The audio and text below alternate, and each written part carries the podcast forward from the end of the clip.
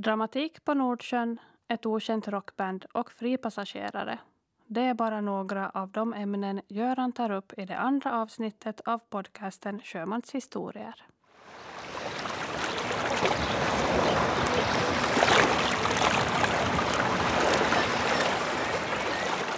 Nu sitter jag här i Vårdö med, med Göran Påvalls som ska berätta lite om sina erfarenheter till sjöss.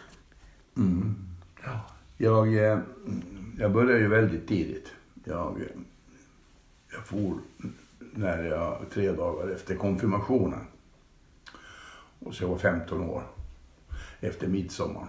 Och, och där, så det var en fin tid att fara till sjöss egentligen. Det var ju vackert väder normalt och så här. Så man, man skulle slippa undan den där värsta sjösjukan kanske. Inte tänkte man ju på det då. Men det tänkte man ju på sen då. Men i varje fall mina första resor var egentligen ganska odramatiska. De gick ifrån Lidköping i Sverige ner till kontinenten och, och en finsk båt och jag, hade en, eh, jag var med Skalle och hans stuvert var, var, var egentligen ursprungligen Vårdubo också. Så att han, men han var den enda svenskspråkiga förutom jag ombord. Okej. Okay. Så det är klart att det var problem för jag hade ju inte lärt mig någon finska i skolan direkt. Inte. Nej. Man kunde ju ingen finska. Så man fick ju egentligen lära sig, ska säga den hårda vägen. Mm. För att eh, man var ju tvingad, tvungen som mäskalle då till när, när, när eh, besättningen krävde det och det och det så måste man ju försöka förstå det. Så. Mm. Men det gick då bra. Och, och som sagt var som mina första, först, mitt första år som, som eh, mäskalle så förlöpte förlöpte under, under, utan någon dramatik egentligen. Det var intressanta resor. Vi var till och med upp till, in i Vita havet efter, efter skrot och långvirke. Okay. Och, och, jag var jätteintresserad av det här med däcksarbete. Det var, men jag var så ung, jag fick ju inte vara på däck. Jag måste ju vara i byssan tillsammans med stuverten. Och det här med, jag kommer ihåg att jag jag ville stå upp och styra ibland när jag hade, var ledig och så. Men styrmännen var inte så förtjusta för det gick ju inte så hemskt bra. jag kommer ihåg en gång när vi var, var utanför de där norska höga bergen. Jag kommer inte ihåg riktigt var det var. Så stod jag till i alla fall. Och då så, så lotsen som var en gammal ärrad sjöbjörn så sa åt styrman som var ganska ung då.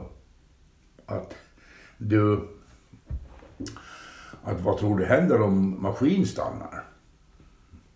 Och jag stod där till rors och lyssnade naturligtvis spänt på allt det här.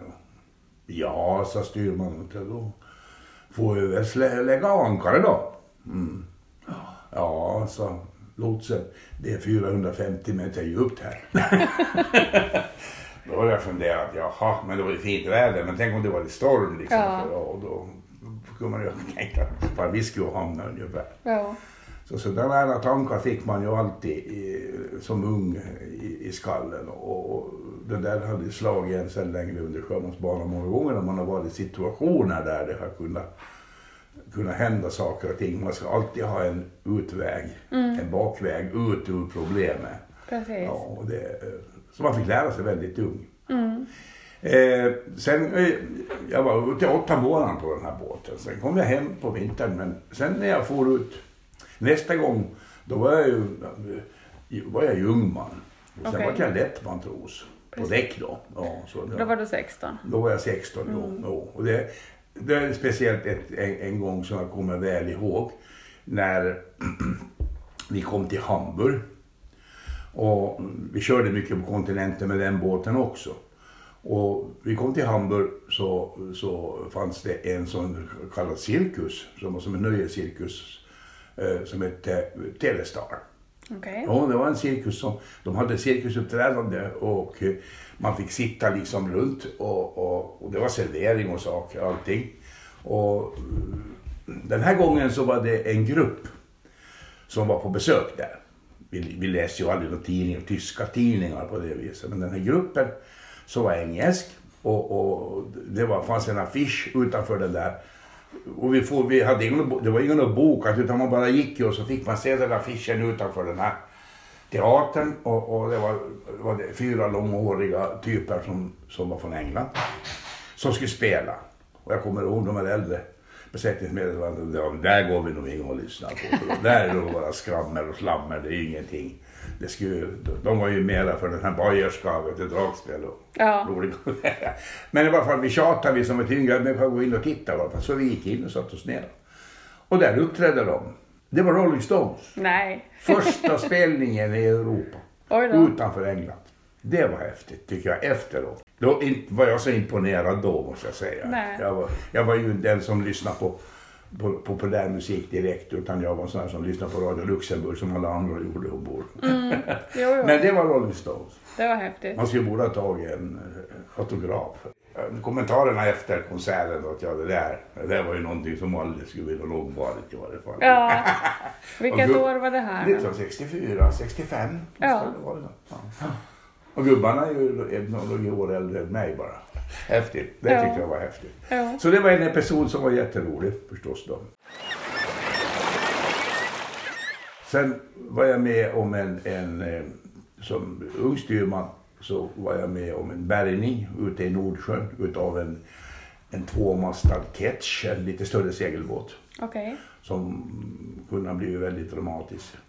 Eh, Vi kom körande utanför Borkum Reef, fyrskepp, och hade ungefär en 15 sjömil kvar till Borkum Reef på Nordsjökusten. Då.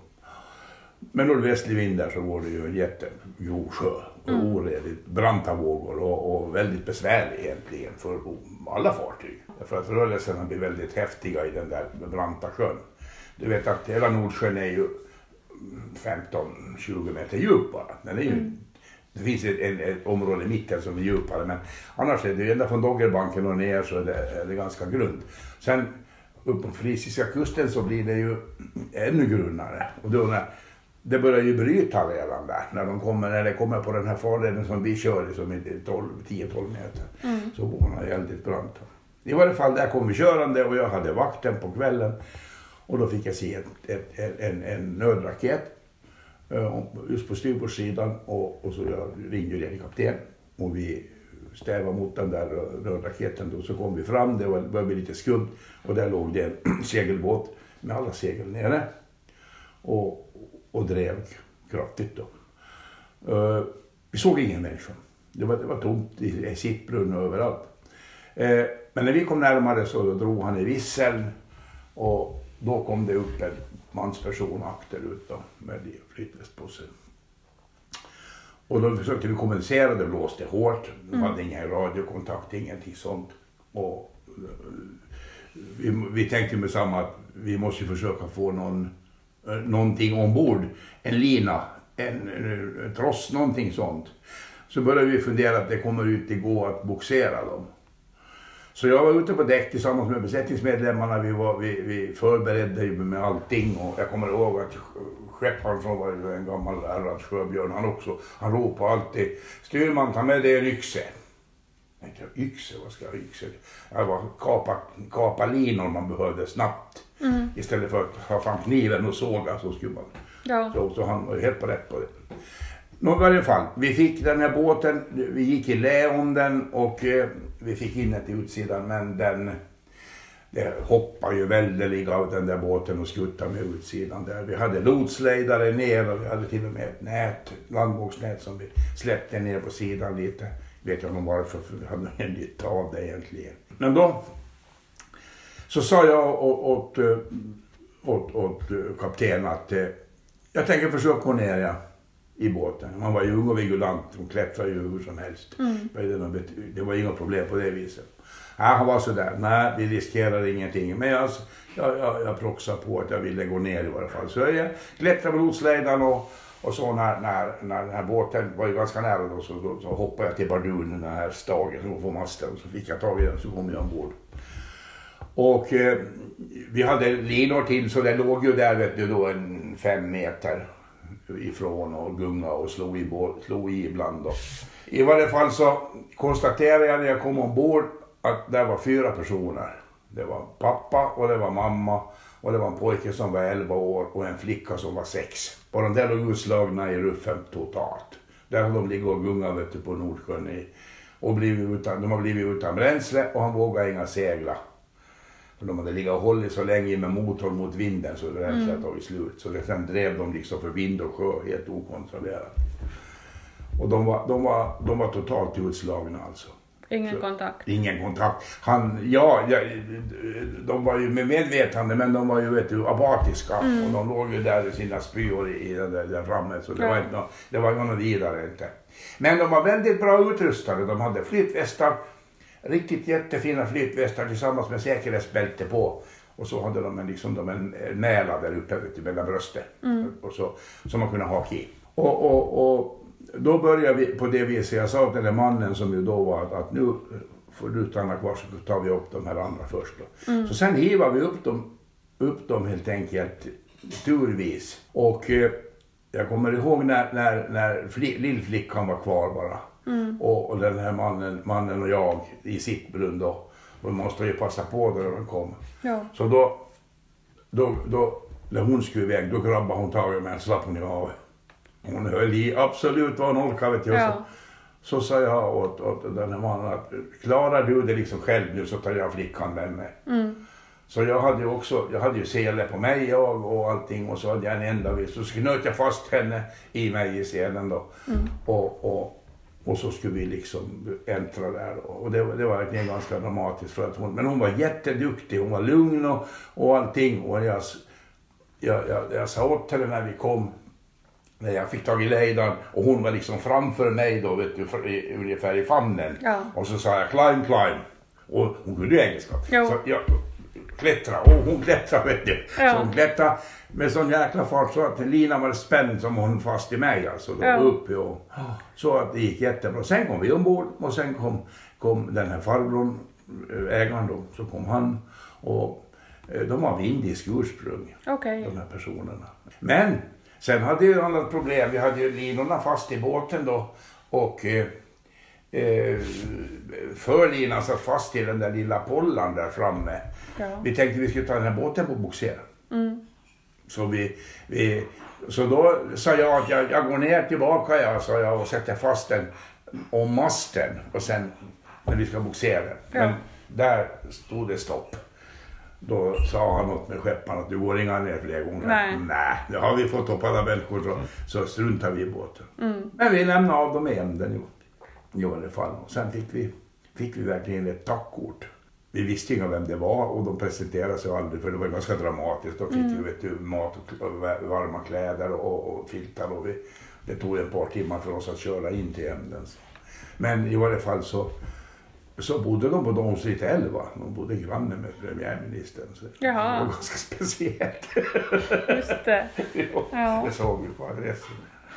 Nåja, det var en som slutade lyckligt. Sen mera dramatiska, dramatiska situationer som jag har varit med om. Det var ju sen jag var, ju, jag var ju styrman och utbildade mig till sjökapten. Och, och eh, sen vart jag befälhavare på större fartyg. Eh, på rorofartyg som gick i Worldwide. Vi körde lite här och var, var utchartrade utav, utav eh, alla möjliga konstellationer ute i, i, i världen. Grimaldi, de som nu äger delar utav, utav färjetrafiken här. De var vi chartrade för ett tidigt skede. De hade inte så många egna båtar, de hade mest inchartrat tonnage. Allt från bilar från Brasilien till styckegodscontainer ner på Västafrika, Sydafrika. Körde vi mycket då. Och, men det hände så vi kan ju sitta hela dagen. ja, allt från att köra på nätterna ut, i, ut undan pirater och sånt här. Och som, ja, men det låter spännande. Ja, det, det, var nog inte så spännande. Nej, Lagosredden var ju berömd i Nigeria då. För det här, och vi fick ju aldrig bli kvar över natten utan vi var tvungna att köra ut till natten. Mm. Sen låg vi och drev då och sen körde vi in till morgonen igen när det var ljust. Då. Och speciellt en gång när vi kom till Lagosredden så låg det över 400 båtar till ankars där. Ja. Jag menar, det var ju en enorm armada mm. och där skulle det ligga och kryssa mellan de här då för att komma till en bra ankarplatsen. Och nära, du hörde liksom när myndigheterna ropade upp din så kallade ordernummer som du skulle få när du skulle få lots. Ja. Den fick man ju inte missa. Nej. Man får ligga där ett par veckor till. Jag kommer ihåg speciellt en båt som låg bredvid oss flera nätter. De hade ananaslast. Och den hade börjat surna i, i, i lasten. De var helt desperat. De visste inte vad de skulle göra. och det var ju sådana saker som... Vi hade ju våra torrvaror i Rolo. Vi körde mycket, vi körde mycket elektronik och, och också utrustning till olje, oljeindustrin från Italien. Sen eh, händelser som fristuvare ombord till exempel. Det smyger sig med obehöriga människor som vill, som vill fly landet och något sånt, sånt här. Då. Det, det är ju sådana saker, då blir man ju väldigt snopen. Ja. Det var, vi var på väg ner till Rio de Janeiro och jag satt på bryggan på morgonen och, och, och, här och, och drack kaffe. Vi var, var passerade ekvatorn. Vi firade julafton Ja. på eh, ekvatorn.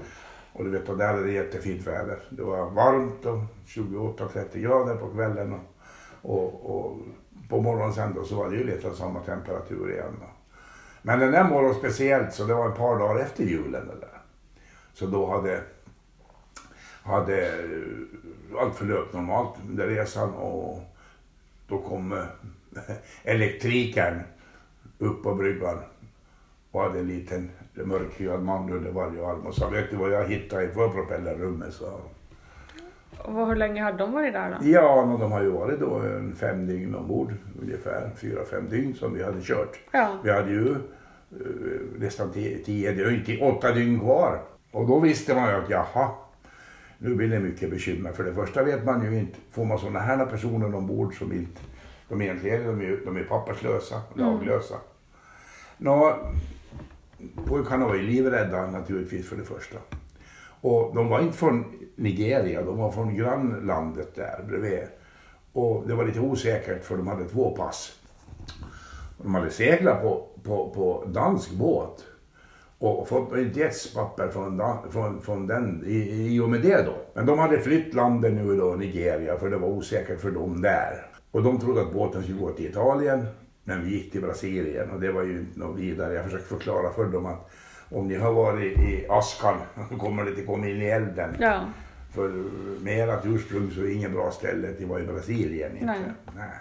Ni har ingen möjlighet att få någon utkomst där på något vis. Men eh, vi hade tur för det fanns diplomatiska beskickningar emellan de här båda länderna. Som matchade deras pass och Brasilien förstår du. Så det, de hade ju en ambassad i, i, i Santos. Så vi fick, lyckades förverka papper på att vi fick, att de kunde gå i land. Annars är det många gånger så att man får ha dem ombord. Ingen vill ha dem. Det har hänt att i månatal får de vara ombord förstår du. Man kommer till olika länder men ingen tar emot dem. Det är Ja. ungefär som flyktingarna i Medelhavet idag. Men vi lyckades i varje fall. Och de här båda pojkarna, ja för det första vi satt dem i arbete. Och, och de målade hela väderleket för det var tomt på vägen Ja. ner till Brasilien. Jag kommer ihåg de gick bara fötterna. De hade blå overaller på sig och gick bara fötterna på det däcket. Ja. Och det var ju så otroligt varmt. Så det var ju så mycket att man kunde gå med gummiskor, det brände dem botten. Ja. De, promen- de, jag har kort på det där när de går och står och målar. så de jobbade sig ner då. Ja. Sen vart vi av med dem så det klarade sig ganska bra. Hur mycket tycker du att det har ändrats under den tiden? Från att du började fara ut till sjöss till att du... Oj, ja, det går inte att beskriva det. Det är en enorm utveckling som har hänt sen, sen jag började. Vi hade ju, jag menar instrumenteringen ombord var ju väldigt bristfällig. Vi hade ju en magnetkompass och en radio och pejl. Mm. Det var ju allt vad vi, vi, vi tog oss fram med det. Och sen vi, när man gick ut där på större vatten hade man ju sextanten förstås då. Mm. Då tog det, ju, tog det ju solen och stjärnorna och navigerade på det viset helt enkelt. Och det var ju väldigt fascinerande. Jag kan tycka idag att eh, eh, man, man kommer tillbaks på, tänker tillbaks på den tiden så var det, det var väldigt på något vis, det var, det var så rent. För jag kommer ihåg när den första satellitnavigatorn kom. Den var ju stor som en eh, fisklåda och hade en liten display. Och så skulle man stå där och vänta på att det skulle bli någon sorts fix då, att man skulle få någon sorts typ av position. För det fanns ju några många satelliter på den tiden, utan bara bar. Och ibland fick man ingenting. Ja, då fick man ju ta sextanten ändå gå ut på bryggvingen och ta Ja. en höjd bara för att veta var man var någonstans. Och när var det då? Som... Ja, det kunde väl vara någon gång här på 70-talet. Ja. I, i, i mitten på 70-talet. Så att eh, vi har haft en enorm utveckling. Idag kan ju vem som helst ta den där telefonen med dig så kan du ju fara och köra vart du vill. Mm, Du jo, får en plats på, på jorden och, där du befinner dig helt enkelt. Det är precis. otroligt häftigt. Jo, jo, visst är det det. Jo, ja. Så det, det, det, det, det är den utvecklingen kan vi säga. Mm, Mellan din mobiltelefon och sextanten. ja, Däremellan ligger allt. Precis. För det som ligger till grund för all navigation idag är ju att du får en exakt position Mm. via satelliterna. Tror du att de skulle reda upp att, att navigera efter stjärnorna om allting skulle slås Eh, ut? ja, det tror jag nog. För det, alltid finns det någon ombord. Eh, Jag menar, de lär ju ut till nu, Mm, åtminstone grunderna. Men att, eh, att det, det, det här underlättar ju jättemycket. När du har eh, en säker plats och, och du, du liksom har möjlighet att, att förutbestämma hur du ska köra och i vilka riktningar. Tänker på segelfartygen de låg och kryssade i Nordsjön i storm och dimma mm, med segel och inte var riktigt säkra på var de var alla gånger. Det krävde otrolig sjömanskap utav befälhavare och hans styrmän för att kunna klara av det där, helt klart. mm, Och före det i, i skärgården här när de seglar med sina jakter och, och sina små lastsumpar. Då seglar de på klockan. Ja, om klockan och kursen. Det var ju säkert ganska spännande.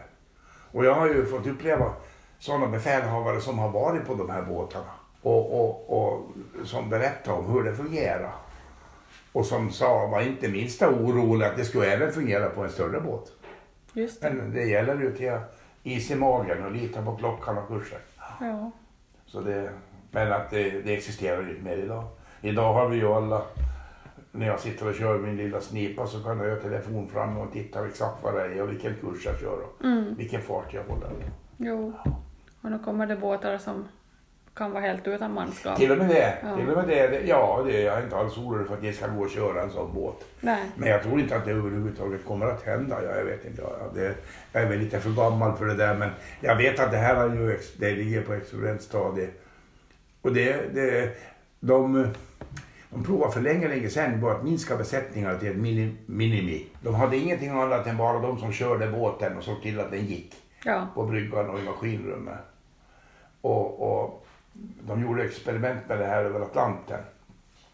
Det är klart det fungerar. Om du har en båt som ju är så gott som helautomatisk och du bara ser till tekniken och du har någon på bryggan som kör den så är det inga problem. Men om det går att hända någonting. Om det går, den här gången, för, i det här experimentet så hände det ingenting annat men det var en annat fartyg som blev i sjönöd. Och då enligt sjölagen så måste du göra allt vad som står i din makt för att hjälpa en annan. mm, Du får inte riskera ditt eget liv, men enligt sjölagen, men du ska hjälpa den andra. Och det kunde inte de här. För Nej. de hade ju inga folk ombord nej just det. som kunde hjälpa, utan det var ju bara de här som måste vara i maskin och på däck. Mm. Och då förföll det här konceptet på det. Och jag skulle, det skulle bli intressant att veta hur de tänker tolka det här i framtiden. Om alla båtar, om alla båtar som kör på världshaven är utan förare. Mm, De bara far här kors och tvärs och det är väl inga problem på det viset. De är ju datorstyrda, satellitstyrda, de vet exakt vad som händer ombord. Även i maskin vet de vad som händer. Men om de ska hjälpa varandra. Eller om det händer ett tekniskt fel. ja, någonting fysiskt som Men då ligger, ju, då ligger de ju där och kajkar dem. Ja, De har ju ingen som kan göra någonting. Då, må- då måste de flyga ut. mm, Förstås då. ja. Det ska bli intressant. Om de får vara med så länge och se hur, hur långt de tänker driva det här. Bara för att de inte ska ha någon människa ombord. Jag förstår inte riktigt det där. Nej, För det här kan inte heller vara så hemskt billigt. nej knappast. Vi, var- vi, var- vi har ju alltid varit dyra säger redarna. Under våran befälsutbildning så får vi ju lära oss eh, ganska hög grad utav, av sjukdomsfall. Men det, det viktigaste för oss som styrmän och befälhavare är att vi ska kunna ställa en bra diagnos. Så att vi kan fråga läkaren i land som man ringer till Ja, vad man ska göra. Men sen händer det ju ibland sådana här akuta fall som man är tvungen att ingripa direkt. För i vår sjukhus så har vi en, speciellt vi som gick ute, så har en, en väldigt eh, omfattande läkarutrustning egentligen. Vi kan ju inte göra direkt operativa ingrepp men vi kan i varje fall, vi syr sår, vi, vi ser till att lappar ihop, spjälar och allt sånt här. Då.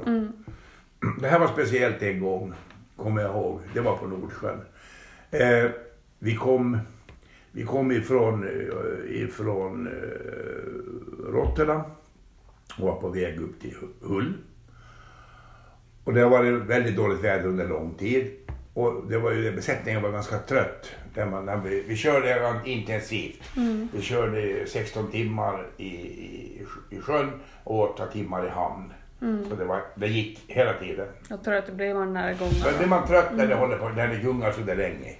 För vi visste ju det att om vi fick vi nordvästlig storm på Nordsjön och ett djupt lågtryck på hösten så tog det tre resor förrän det gick över.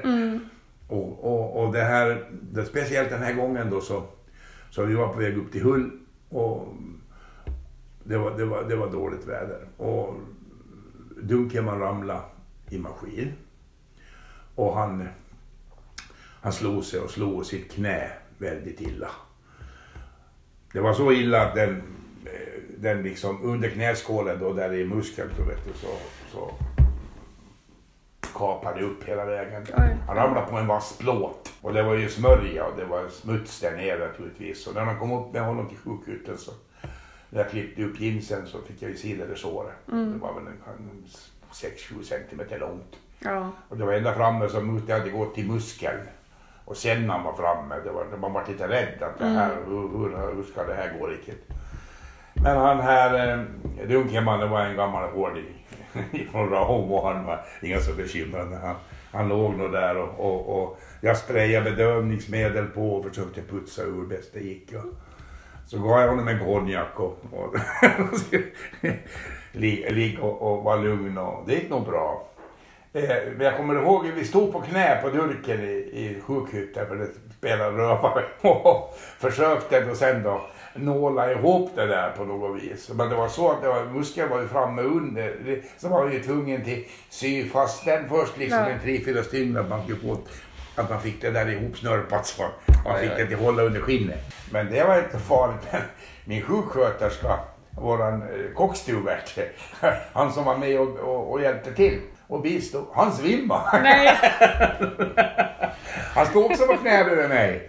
Och, och, och när jag vände om och han skulle hjälpa till att ta, ta bort de här plast eh, skydden från nålen. Ja. Det, var ju, det var ju nål och tråd, det Ja. var allting liksom färdigt. Så, så, så, så hörde jag någonting på släppa och så oj, oj, oj. Och det fick han till så låg han rak lång på. Han tålde inte det där. Nej, nej, nej. Och det var, det var det. Då var det ju dramatiskt på allvar. Då hade vi en svimmad. Oj, nej. Men det där tog pojkarna, de tog hand om honom och fick liv i honom och bort honom därifrån. Och sen fortsatte vi då operationen och, och försöka få ihop det där. När vi hade klart hade sytt alltihopa så, så, så lindade vi om och han låg kvar där en stund. Och sen undrade om han skulle få en konjak till och det fick han ju naturligtvis. Han var ju patient. Ja. Sen kom vi till Hull sen dagen efter. Vi var ganska mycket försenade efter den resan. Det skulle vara åtta på morgonen. Jag ihåg vi kom någon gång på kaffetid eller två tiden kom vi in dit. Och, och så tänkte jag, vi måste skicka honom till läkare. Ja.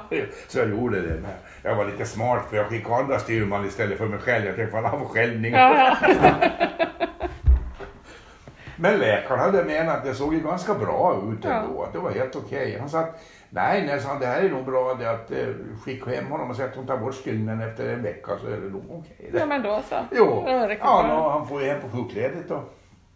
Sen kom han tillbaka och jobba som vanligt igen. Och Mm. Sen frågade jag honom eh, nog efter en ganska lång tid efteråt. Hur känns det nu hörde du i, Mm. i ben? ja, sa han. Det stramar nog lite när jag står på knä. Ja. Men det var, det var, det var lyckat. Mm. Sådana här saker.